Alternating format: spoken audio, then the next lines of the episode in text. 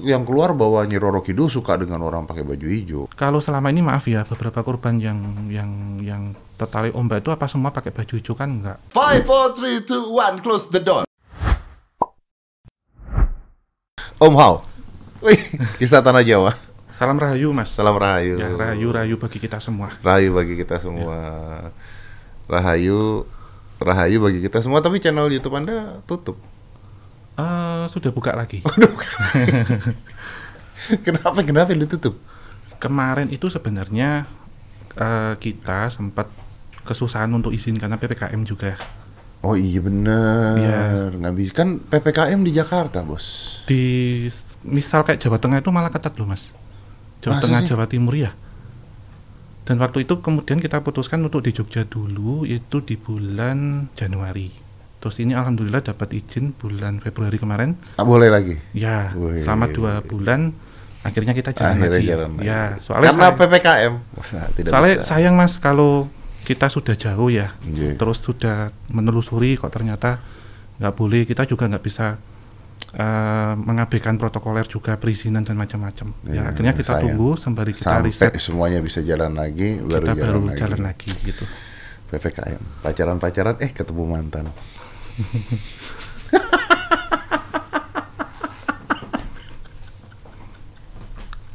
Iya kenapa sih? Kalau gue bikin singkatan lu suka geli-geli sendiri gitu. ya. kaget gitu loh Kenapa?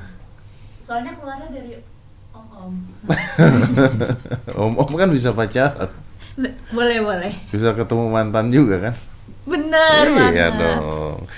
Bro, Ya. eh, saya tuh nggak pernah loh apa namanya podcast pakai catatan, tapi buat lu gue podcast pakai catatan, Lu luar biasa Ini kan? kok malah kayak ujian skripsi ya mas? Iya memang catatannya pa- panjang lebar loh.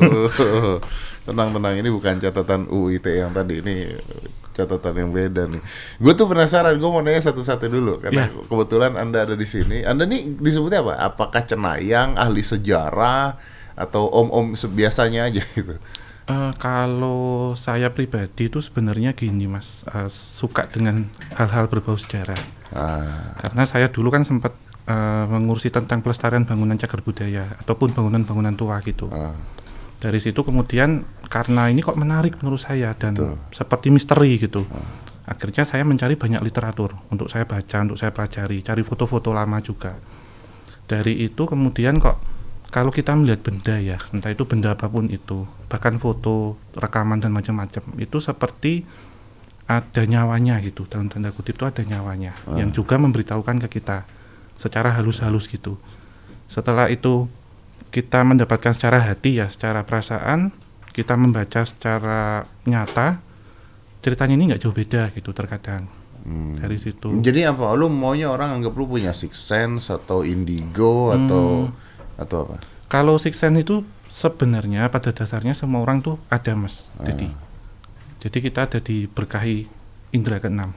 Oke. Karena tujuannya untuk merasakan fenomena yang ada di luar dari panca indera yang di luar itu. Hmm, Tapi kalau indigo itu menurut saya lebih ke warna aura.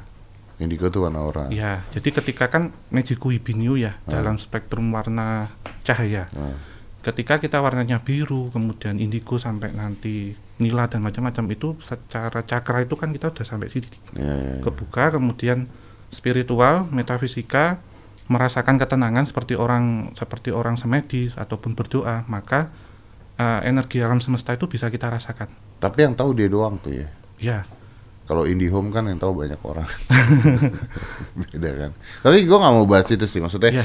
itu kan di kepercayaan orang. Mau percaya mau nggak percaya, is terserah mereka lah ya. Iya. Gue juga tuh nggak pernah nyerang juga orang-orang yang punya indigo dan sebagainya apa segala. Gue nggak pernah nyerang mereka mau percaya nggak percaya. Yang kalau gue serang ketika ada orang tiba-tiba ngeramal hal-hal yang aneh. Ya lu tau lah Iya, gitu iya, kan. iya. Wah itu makanya berbahaya buat masyarakat nih gitu nih. Nah, eh, cuman eh yang menarik dari lu itu adalah bahwa sejarah-sejarah yang banyak orang nggak tahu gitu. Nah, salah satu yang menarik itu adalah ketika kemarin gua ngebahas tentang Gunung Padang, bro. oh iya, Nah, anyway, yang tadi lu mengatakan bahwa semua barang itu punya kisah dan punya ceritanya masing-masing. Tahu nggak bahwa di Cina itu udah diteliti tentang Gucci yang dari zaman eh, Kaisar Qing dan sebagainya kan Gucci itu dibuatnya diputer ya. Iya. Ternyata begitu ditembak pakai laser dan sebagainya itu keluar suara pada saat pembuatan. Iya, iya, Mas. Karena kerekam ternyata pada Iya. saat itu. Jadi sometimes tembok-tembok ini juga merekam suara sebenarnya, Iya, merekam eh, kejadian. sama maaf Mas. Eh, jadi ini kan kita rekam nih, Mas. Ah. Tapi kan di situ memang ada ada partikel, ada molekul macam-macam ya. Eh, bahkan ketika kita kita berbicara dan segala perilaku macam-macam, kita kalau di sana kan ada cerminnya Mas Dedi tuh. Nah, Itu pun pasti ngerekam segala kejadian yang lewat. Jadi Betul. kayak model kamera-kamera ya Ah. di SLR atau macam-macam atau media rekam eh, semuanya. Itu sebenarnya sama Mas Dedi. Jadi ada partikel, kemudian eh, kemampuan otak manusia itu kan ada gelombang beta, ada gelombang alfa, berapa megahertz untuk menangkap eh, informasi. Jadi ketika itu molekul itu bisa memutar lagi, bergerak saat tertangkap oleh kita, sebenarnya informasi itu itu Mas. ya cuman mungkin saja secara teknologi belum terbukti gitu Iya, kan. Ya, iya. Siapa tahu satu saat ya itu kayak Gucci Cina itu secara teknologi udah terbukti ketika dia dibuat Diputar. muter itu kan dibuatnya juga muter tuh. Iya, Ternyata kayak piringan hitam dia ngerekam. benar.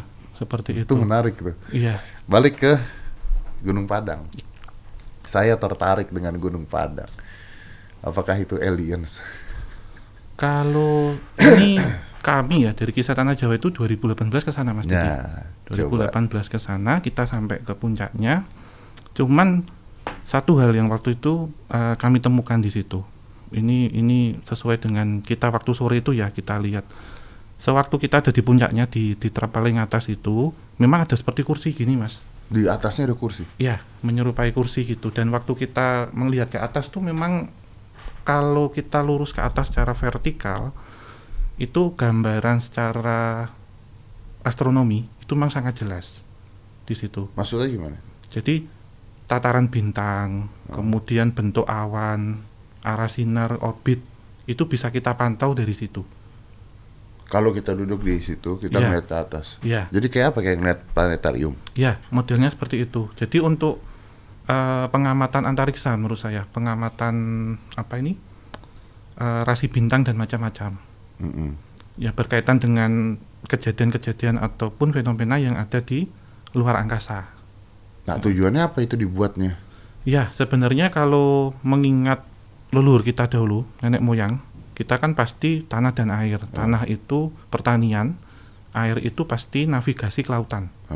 Jadi kalau zaman dulu kan GPS belum ketemu nih, Mas. betul. Jadi kita melacak rasi bintang ataupun arah angin, arah navigasi pak kapal itu dengan bintang-bintang. Ah. ya sampai sekarang pun ilmu itu masih dipakai kan? Ya, secara astronomi. bintang, ya, terus kemudian juga untuk pertanian pasti, karena agraris kita.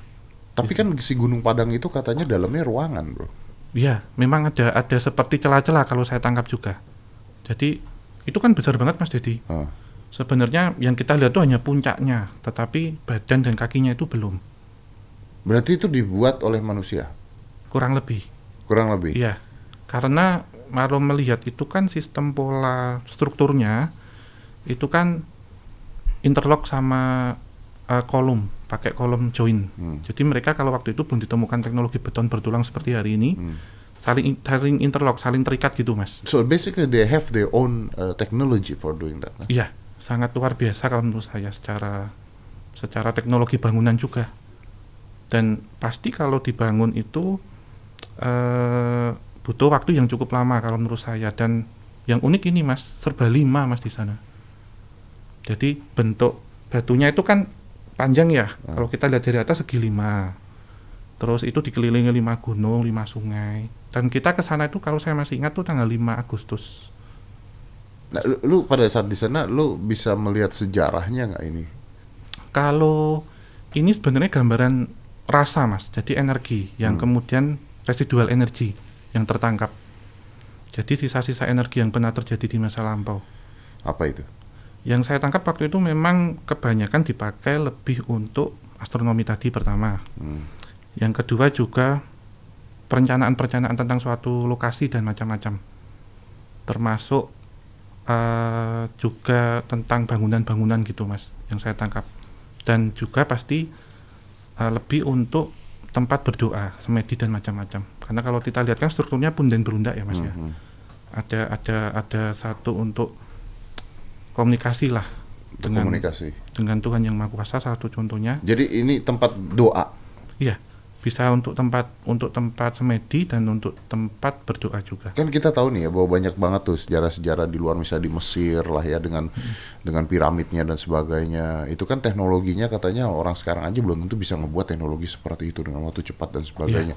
Makanya there is a greater being, ya ada makhluk yang lebih eh, Besar gitu, besar iya. lagi yang membantu pembuatan hal tersebut gitu misalnya. Iya. There, there, eh, contohnya adalah ya mungkin eh, teori-teorinya ada aliens yang datang Iya. untuk ngasih eh, hal tersebut. Bahkan gambar-gambarnya ada gambar pesawat ya katanya di yang sana. di atas gini oh, ya oh, katanya. Nah, kalau hal itu lu percaya nggak bahwa dari some aliens maybe ada makhluk asing gitu ya yang memang pernah ke bumi lalu memberikan eh, ilmu untuk membuat seperti itu. Karena I think until right now kita nggak bisa lagi bangun piramid seperti itu.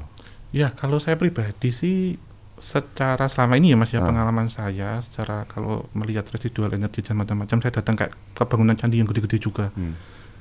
Saya pribadi belum pernah melihat itu secara merasakan residual energinya. Hmm. Tetapi saya percaya dan yakin alam semesta ini kan unlimited dan dia tidak terdefinisi Mas Dedi. Hmm. Pasti ada ada satu kehidupan di tempat lain itu pasti dan ada cara komunikasinya seperti teleportasi dan macam-macam itu. Kalau saya pribadi itu percaya ada karena Tuhan pasti menciptakan banyak Hmm. makhluk ya selain kita.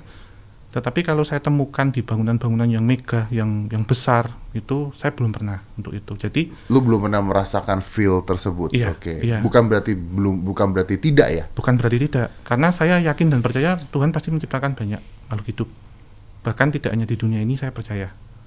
Dalam artian eh, kita kan berdampingan dengan yang nggak kelihatan nih mas. Iya, iya, iya. Dan ini kan ada yang sifatnya juga infinity dan universal, universe semua alam semesta. Pasti pasti itu ada di di alam lain.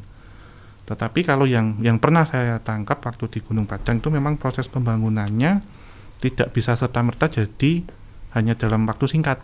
Jadi Hmm. perlu perlu ribuan tahun bahkan dari mulai bikin yang nol sampai yang besar tuh ada perubahan-perubahan gitu mas pembangunannya waktu itu. Jadi itu ribuan tahun. Iya. Bahkan itu kan situs megalitikum sebenarnya Mas, zaman batu besar. Nah, nah kalau lu ngeliat misalnya hal-hal yang aneh gitu, kok tiba-tiba misalnya ada batu-batu yang tau gak sih batu apa tuh yang tiba-tiba letaknya ada lima biji, tau kan? Yang panjang-panjang tuh. Terus udah gitu pa- patung-patung orang, dum-dum, tau nggak? Iya. Yang kayak gitu-gitu. Berarti menurut lu hal tersebut adalah buatan manusia atau itu terjadi eh, dengan sesuatu? Kemarin tuh gua sempat ngobrol dengan beta UFO, adanya eh, crop circle. Oh iya iya crop circle. Ah, crop circle. Nah, crop circle itu pernah pernah lu lihat nggak crop circle? Kalau saya malah yang ini Mas, saya pernah lihat tuh yang tahun 2011 itu dekat rumah saya di Merbah di Jogja. Apa itu? Crop cycle. Serius ada? Oh, yang di tengah sawah Ah, waktu itu. nah itu apa tuh? Jadi Karena kalau dari kepolisian beda, dari eh, UGM beda, dari Hmm. mana beda gitu kan? Yang satu Kalau- bilang bukan manusia, ya kalau saya lihat tuh manusia Mas buatannya. manusia. Ya. Jadi kalau misal secara di luar dunia ini ya, Ah. memang ada kemampuan yang tidak bisa menjangkau ke situ. Hmm. Jadi rekam jejak dari kejadian-kejadian yang dibuat manusia itu sebenarnya lebih lebih mudah untuk untuk dirasakan gitu, Mas. Kayak lebih kasar contohnya atau pembuatannya dan macam-macam. Oke, tapi ini crop circle tertentu yang lu lihat ya maksudnya? Ya kalau yang asli saya yang di luar negeri yang bagus-bagus saya belum pernah mas. Paling ya dari foto. Jadi itu kalau dari foto yang dibikin sekarang Hmm. kan tagnya itu kan lama tuh mas. Ah. Belum bisa update, nggak bisa kalau dilihat secara retro fotografi nggak bisa. Soalnya katanya yang crop circle yang eh, dari beta UFO itu ta- daun-daunnya itu nggak putus tapi dia bongkok semua gitu, nunduk semua Oh. katanya. Makanya gue juga nggak tahu sih. Iya iya. Walau alam sih mas kalau itu. Iya iya, Memang. apa pun itulah ya. Iya. Tapi me- menariknya adalah lu sendiri mengatakan di aliens bisa aja ada, bisa aja nggak kita juga nggak tahu gitu kan Iya, intinya iya. ya. Nah itu kalau kayak batu-batu kayak begitu gimana tuh? Batu-batu eh Stonehenge gitu ya ah, modelnya. ah, itu gimana tuh? Iya kalau seperti itu sebenarnya di di Jawa sendiri mas. Ada? Kita nggak usah jauh-jauh ya, nggak usah ke Inggris. Di Bondowoso itu juga ada namanya eh, batu betoh betoh Ah, beeng gitu. Coba Ada. coba cek-cek di Google. di situ eh di situ Bondo di Bondowoso. Di Bondowoso Jawa Timur mas. Bondowoso namanya batu? Eh, namanya itu Betosoong Betosoong. Betosoong itu kan Ah. bahasa Madura mas. Batu yang berdiri di tata-tata gitu. Oh ada itu? Ada. Di Bondowoso. Lu kalau pernah saya belum pernah ke sana mas. Cuman pingin ke sana nanti suatu ketika kisah tanah Jawa ngajak mas Dedi deh ke sana. Iya, iya, iya. Oh, Ah, ini, Mas, oh betul. iya. Oh iya loh. Iya. Batu Solor Bondowoso situs megalitikum. Wih.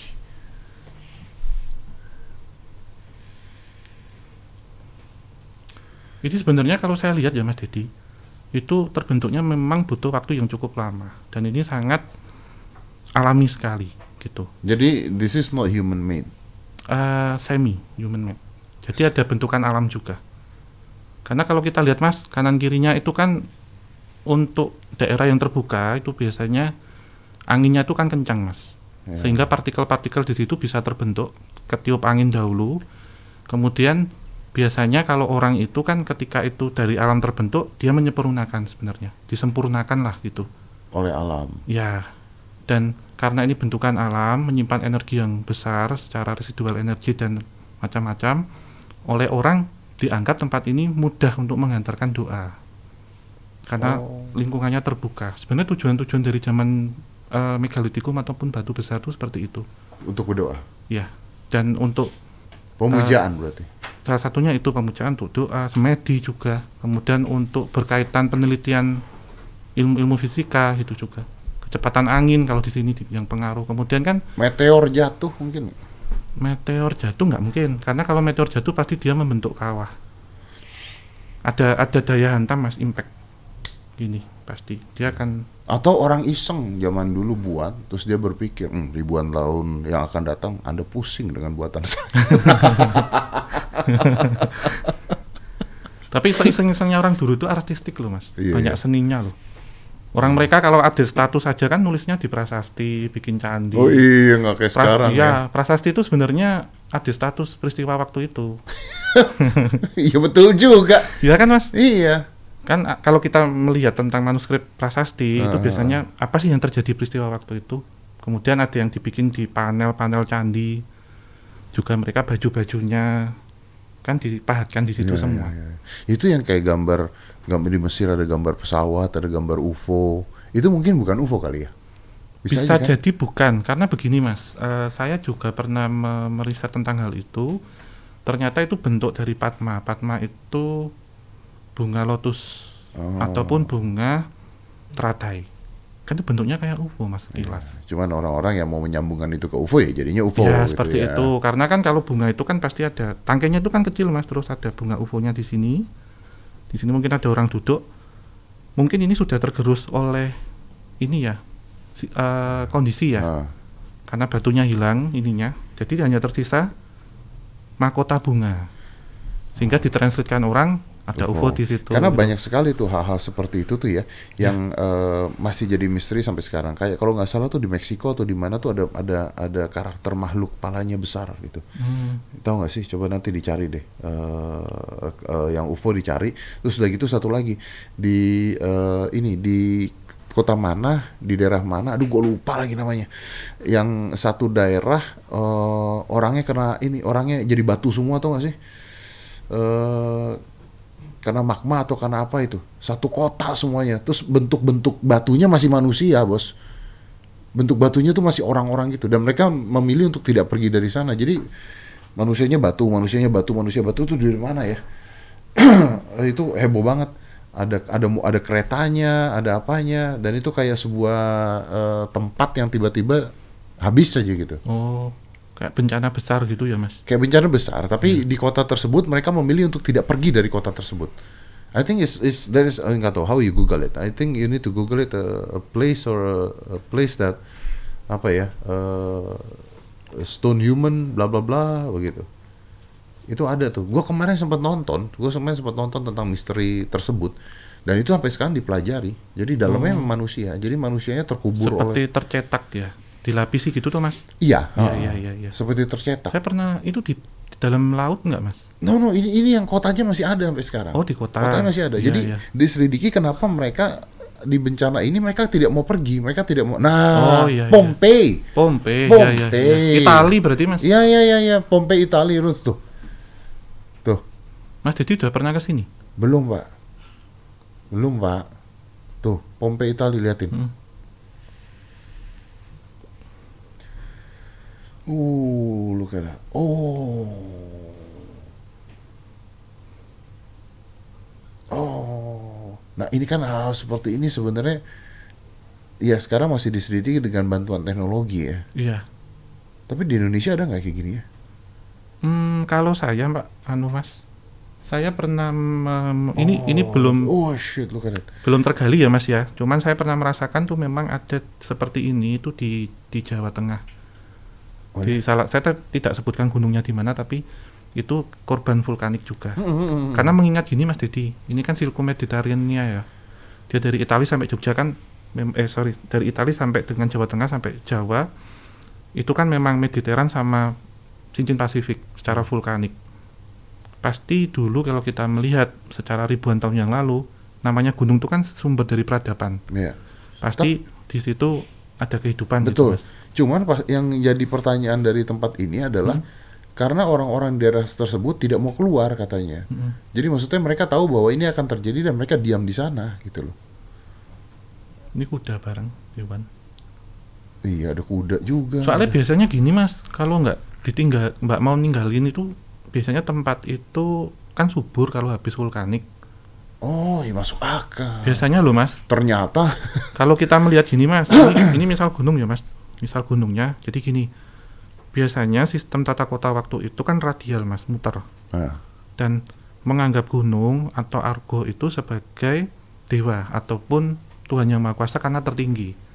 Dan bahkan ruh-ruh nenek moyang ataupun leluhur ketika mereka wafat tiada itu kan naiknya ke gunung mas ya ya ya. jadi memang untuk religius untuk pertanian untuk tempat tinggal sehingga mereka ketika mau berpindah karena ini masih hutan kita anggap ini masih hutan ketika nanti kita mau ke hutan mereka berpikirnya kan harus merambah lagi Hmm. dan mitigasi bencana mereka sebenarnya sudah tahu tetapi kapan itu terjadi kan tidak tahu Dan mungkin mereka tidak merasa bahwa oh, bencananya akan sebesar itu gitu Iya, kali ya. kan fenomena pasti ada Mas Dedi ketika panas yang ada di gunung tuh naik biasanya kan hewan-hewan di atas turun. Ya, Biasanya- mereka udah tahu tuh. ya biasanya mereka sudah prepare mau pindah tapi kejadiannya biasanya datang lebih cepat sehingga tidak sempat untuk Oke, menyelamatkan oke, oke. Sebenarnya got it. begitu Masuk akal. ketika saya riset ya misal di sekitar-sekitar gunung tuh sebenarnya masih ada beberapa peradaban ataupun kota yang terpendam pasti ada sehingga kelilingan gunung pasti kita temukan seperti candi situs seperti lasan atau apa gitu Nah, kalau Candi Borobudur gimana, Bro? Kalau itu memang salah satu mega proyek juga mas Mega proyek. di era itu dari abad ke-9 sampai dengan ab- eh, abad ke-8 sampai abad ke-9 Hmm, tapi bukankah banyak sekali keadaan-keadaan seperti itu Hmm. seperti piramid atau Candi Iya. Borobudur yang dikatakan bahwa it is impossible for human to make that gitu di zaman itu.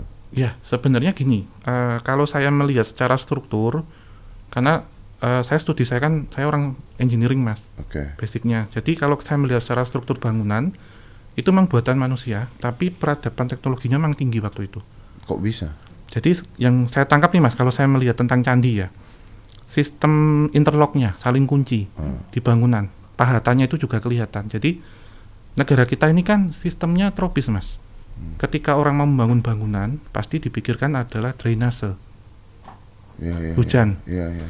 Jadi di di setiap celahnya ini memang di ekor burung ya sistemnya. Ekor burung di celahnya ini akan ada aliran airnya.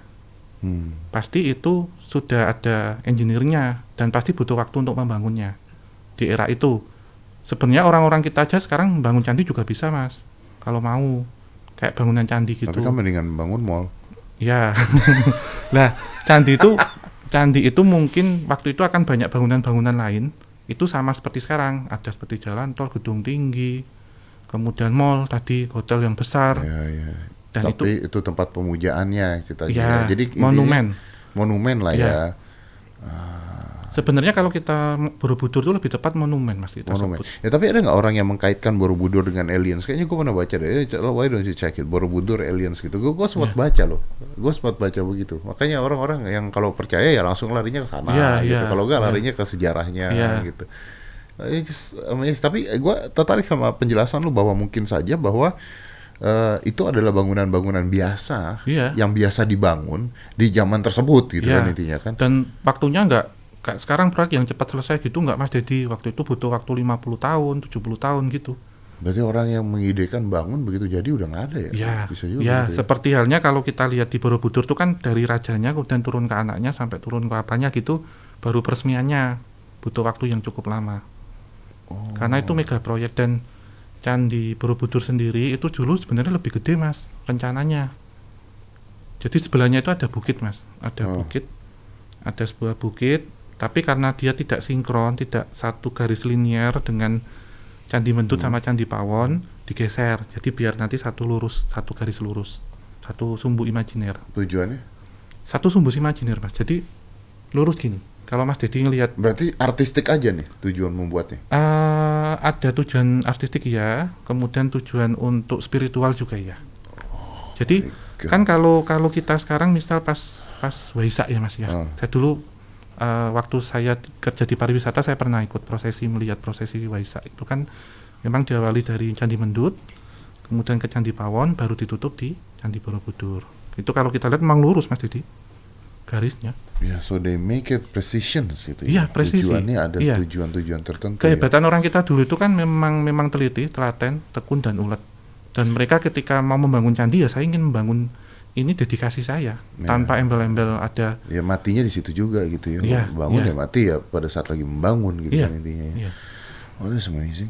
Perbincangan mengenai UFO dan penampakan alien belakangan kembali berhembus di sejumlah negara tidak kecuali Indonesia. Keberadaan alien dan UFO para pakar tersebut ada di dua tempat, Candi Borobudur, Kabupaten Magelang, dan Gua Kontilola di Wamena, Papua. Ada, ah, tapi based on apa nih? Coba coba lihat bawahnya. Penjelasan, oke. Oh, pernah singgah katanya itu kan. Ah, oke, jualan baju dia.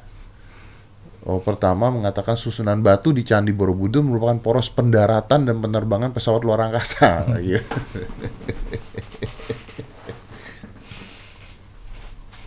Itu kan gini Mas Dedi. kalau ngomongin Anda candi- langsung emosi kayaknya. Iya, kalau Candi Borobudur kan kita sebutnya monumen Mas, lebih tepatnya Ah. karena kalau candi itu pasti ada relungnya di dalam, ada chamber, ada kamarnya. Iya. Tapi kalau Candi Borobudur kan tertutup ya. Jadi dia terapkan sambara budara 10 tingkatan. Tapi tapi gimana dengan pendapat orang yang mengatakan bahwa Candi Borobudur GPS penunjuk waktu dan tanggal pada masa lampau itu masih masuk akal lah menurut itu gue ya, itu memang jam jam matahari. Ya, itu ya, I I think ya karena pasti ya pasti bisa Ya, jadi jam ya. matahari ya ketika ada sebuah titik ke atas jadi jam matahari. Penulis Indo Crop Cycle kisah alternatif buatan Borobudur bla bla bla bla bla. Nah, teori alien UFO. Nah, ini dia. Eh, jadi pemandu wisata untuk minta diantarkan ke relief, eh, relief teori konspirasi. Jadi kalau Anda ke sana ada pemandu wisata yang bisa jelasin tentang UFO. Hmm. Nah di sana ditulis juga bahwa Candi Borobudur merupakan poros pendaratan dan penerbangan pesawat luar angkasa dari dunia lain. Om Hao, percaya tidak kalau ini? Kalau saya Atau tidak mungkin udah? eh, kalau saya secara logika dan secara literatur saya tidak percaya Mas. Dalam artian saya pribadi ya menyikapi ini. Karena itu kayak kaitannya sama Candi Prambanan kan juga legenda itu kan ada ceritanya Mas kenapa tercipta legenda itu. Jadi cerita kita itu sebenarnya udah banyak Mas kalau zaman dulu versi-versi versi-versi gitu. Gitu. Nyun sewu ya Mas, misal kalau kita lihat Prambanan nih ada legenda Bandung Bondowoso sama Roro Jonggrang. Hmm. Itu sebenarnya ciptaan kolonial Mas, ciptaan Belanda. Hah? Cerita itu Oh ya? sosok itu nggak ada karena Prambanan pun juga waktunya bikin waktu yang lama, ada jeda waktu yang lama untuk pembangunan. Jadi Roro Jonggrang sama Eh, Bandung Bondowoso itu nggak ada? nggak ada. Jadi ceritanya gini mas, kalau di era kolonial Borobudur, Prambanan itu kan waktu terjadi peristiwa besar ya Mahapralaya Hah? pada abad ke-10 hingga 11 peradaban yang ada di tengah itu ditinggalkan, pindah ke timur hingga terjadi eh, erupsi besar Gunung Merapi Hmm. tertimbun. Ketika Belanda masuk, Raffles masuk, itu kan dibongkar lagi. Hmm. pada awal abad ke-20 waktu ada renovasi besar-besaran dan restorasi besar-besaran yang dilakukan pemerintah kolonial tempat ini dipugar istilahnya tetapi orang-orang kita dahulu kan sangat percaya dengan mitos dan mistis di situ Oh. Padahal candi itu yang ketika ditinggalkan Mas Dedi, itu kan banyak genangan-genangan air dan masa itu terjadi endemik malaria. Karena ada endemik malaria itu, kemudian ketika ada orang main ke situ digigit nyamuk, pulang sakit, demam, lalu karena belum ketemu obatnya meninggal. Hmm. Tempat ini kemudian dianggap mistis karena di sana ada patung yang itu dikutuk jadi batu. Hmm. Kemudian cerita itu berkembang. Cerita-cerita tentang legenda ada ada percintaan ditolak untuk bikin candi Pa- seribu. pa- patung dikutuk jadi batu nih awal ceritanya dari siapa? Sebenarnya arca yang dimaksud itu itu kan Durga Mahesa Suramardani, Mas. Ah. Dan melihat di situ kenapa? Karena memang pem- pemerintah kolonial membatasi orang-orang pribumi waktu itu untuk mendekat karena mereka ingin eksplor besar-besaran. Jadi dibohongin lah Ya, orang-orang kita. kasarannya demikian. Diciptakan legenda, ceritanya itu. Karena orang-orang kita percaya pada hal-hal ya, mistik. berita hoax lah. Kalau boleh dibilang waktu itu. Jadi Percaya- Roro Jonggrang adalah berita hoax. Eh, kalau boleh dibilang sosoknya ini ada Roro Ah. Jonggrangnya, tetapi karena diketahui banyak orang waktu itu dikait-kaitkan dan itu ceritanya karena oral ya berbeda berbeda berbeda dan karena kebohongan kebohongan kebohongan jadi benar menurut jadi cerita legenda itu dibangun satu malam dongeng rakyat mas sebenarnya Dongeng rakyat. ya Eh kok yang ditendang jadi batu siapa namanya? Maling kundang. Hmm. Ah, itu apa maling kundang? Malin Kundang itu kan kalau yang ini kan cerita tentang anak durhaka mas Oh, oh. yang di Sumbar ya Sumatera Barat sebenarnya Itu menceritakan tentang begitu kuatnya emak-emak lah ya intinya. Ya istilahnya itu kan sebenarnya gini mas, kehebatan orang kita itu banyak pesan dari dulu. Ah. Yang gampangannya kita lebih seneng mendengar, Hmm. didongengi daripada membaca. Sorry nih bro, gue potong. Gampangnya kita lebih senang mendengar atau gampangnya kita lebih mudah ditakut-takutin? Dua-duanya sama. Karena tadi kalau kalau saya melihat, saya du- saya dulu soalnya gini mas, saya pernah ya bawa turis ya ke ke Prambanan. Hah. Udah tak jelasin kayak gitu ngalor ngidul gitu. Mas ini tuh dibangun satu malam gitu. Nah, saya, saya mikirnya berarti sudah ngakar banget gitu loh mas. Cerita-cerita seperti Ya kan itu karena kita. cerita yang dimasukkan ke dalam pikiran kita dari dulu tersugesti adalah jadinya. menurut gue sih bukan tersugesti ya maksudnya ya kita tuh pingin percaya hal-hal yang ajaib gitu Ya, kan ya. Iya toh? Ajaib tuh kayak besar heboh oh, oh, gitu. heboh gitu Iya. kan wah ini dibangun satu malam gitu Iya. kan sebelum ayam berkokok Iya, gitu kan jam subuh itu. nah ya, ya, Padahal kan itu memang untuk untuk penghormatan eh, kepada ini ya Mas ya, apa? Trimurti ya. Dewa dalam agama Hindu. Kemudian candi-candi yang kecil itu memang persembahan dari kelurahan-kelurahan waktu itu. Jadi setiap kelurahan membuka, membuat satu bangunan candi untuk melindungi bangunan induk gitu. Jadi dibuat cerita mitos tersebut yang bertujuan untuk apa? Sebenarnya untuk pertama untuk eh, menguatkan karakter. salah satunya itu untuk untuk itu kemudian ceritanya juga untuk menakut-nakuti. Karena ketika ditakuti oh itu ternyata maaf tempat terkutuk gitu. Kutukan menakutkan dan macam-macam. Era itu jadi orang takut mas. Ke situ dalam artian takutnya itu bukan karena takut terintimidasi tapi menghormati. Tempat itu sakral sehingga kalau sekarang sayang mas jika kita lihat ada bangunan-bangunan seperti itu kemudian orang di situ tidak terlalu menghormati bangunan itu walaupun dulunya sakral suci gitu bersih gitu. Dan kejadian wabah eh, malaria dan macam-macam itu juga ditakutkan oleh orang itu. Karena sebenarnya waktu ke situ kan digigit nyamuk nih mas. Pulang sakit. Kalau orang kita bilangnya oh itu kesambet atau ketempelan gitu. Padahal sejatinya itu kena gigitan nyamuk yang nggak tahu gitu. Dan orang kemudian lebih respect dengan bangunan ini akhirnya. Jadi kalau nanti kamu mau ke- main ke situ kamu hati-hati berbaca uh, uluk salam itu mengucapkan salam dulu. Ya berarti ini sama seperti kisahnya Roro Kidul nggak? Eh, kurang lebih iya. Tapi kalau kalau ini memang eh sudah ada beberapa peninggalan peninggalannya mas yang yang bisa dilihat kalau Nah, kalau Nyai Roro Kidul kan katanya kalau tidak boleh pakai baju hijau. hijau, ah, ya.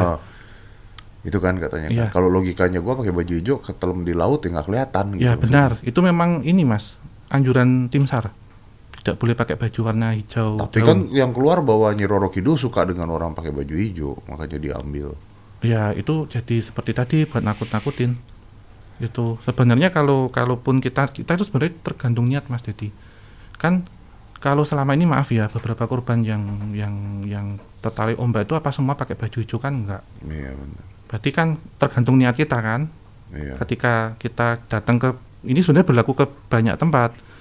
Ketika kita datang respect baik, sopan, pasti yang ada di situ entah yang terlihat ataupun tidak terlihat pasti akan menghargai kita. Sebalikannya. Karena berkaitan dengan menghargai alam semesta sebenarnya menurut saya. Iya, iya, iya. Respect, Respect, to, iya. to the earth, Mother Earth lah ya. Iya, benar. Respect to the Mother Earth. Ya, ya, itu it makes sense sih, sangat masuk akal. Ya ini sama seperti apa? eh, kalau nongkrong di depan pintu eh, nggak dapat jodoh gitu kan? ini Ya, kan? soalnya kan gini Mas, kalau sekarang anak perempuan duduk di depan pintu maghrib-maghrib kan Hmm. nggak sopan Mas. Siapa yang mau ngepek mantu? Iya, iya, iya. Ya. Tapi kan cabai-cabai. Ini karena sudah pergeseran Mas. sekarang. Sekarang udah nggak masuk tuh ya. Iya, sekarang sudah sudah seperti ini mungkin sudah menjadi dongeng lama. Sudah jadi dongeng maksudnya. lama. Iya. Kalau era-era saya, Mas, mungkin ini masih percaya ya, tapi kalau sekarang ya sebenarnya kita kembalikan sopan santun lah. Iya, iya, iya, iya. Karena kita kan orang timur, Mas. Salah satu Iya. contohnya ini waktu COVID-19 seperti sekarang, Mas Dedi inget nggak waktu kecil mungkin main ke tempat eyangnya, pasti di Ah. depan ada kendi ataupun Ah. ada tempat air untuk kita cuci tangan. Iya, padahal dari dulu gitu ya intinya. ya. Dulu, ini kita diingetin sekarang Iya. untuk kembali ke tataran itu. Sekarang kan kalau zaman sekarang kan dulu sebelum pandemi cuci tangan nggak cuci tangan salim. iya, dulu. Tiba-tiba hormat nggak penyakit iya gitu kan. Iya. Bisa aja gitu kan. Sebenarnya ini udah dari lama, Mas. Kayak dulu itu saya masih inget, tak inget-inget, oh iya benar juga. Sekarang kita diulangin lagi. Oh, iya sih. Karena filosofinya orang-orang kita kan contohnya gini, Mas. Eh, jangan masuk dulu, cuci tangan, cuci kaki. Itu sebenarnya filosofinya kita tidak membawa yang negatif dari luar. Iya, iya penyakit. Penyakit, emosi, makhluk astral itu juga bisa, Mas, ketika ngikuti. Saat kita cuci tangan, apalagi kalau muslim wudhu, itu kan bersih, Mas. Dan semua tempat ibadah kalau kita masuk kan pasti cuci tangan semua. Hmm. Karena harapannya waktu kita pulang ke rumah itu ya pulang, pulang dalam artian tidak membawa itu. Iya, iya. Gitu. Dan makhluk astral tidak makhluk astral juga intinya adalah kalau anda mencuci tangan dan sebagainya menjaga kebersihan juga Iya, gitu sebenarnya baik kan. secara fisik maupun batin ataupun eh, lahir ataupun batin semuanya. Iya, iya, iya. Oke, that- that's really make sense. Five, four, three, two, one. Close the door.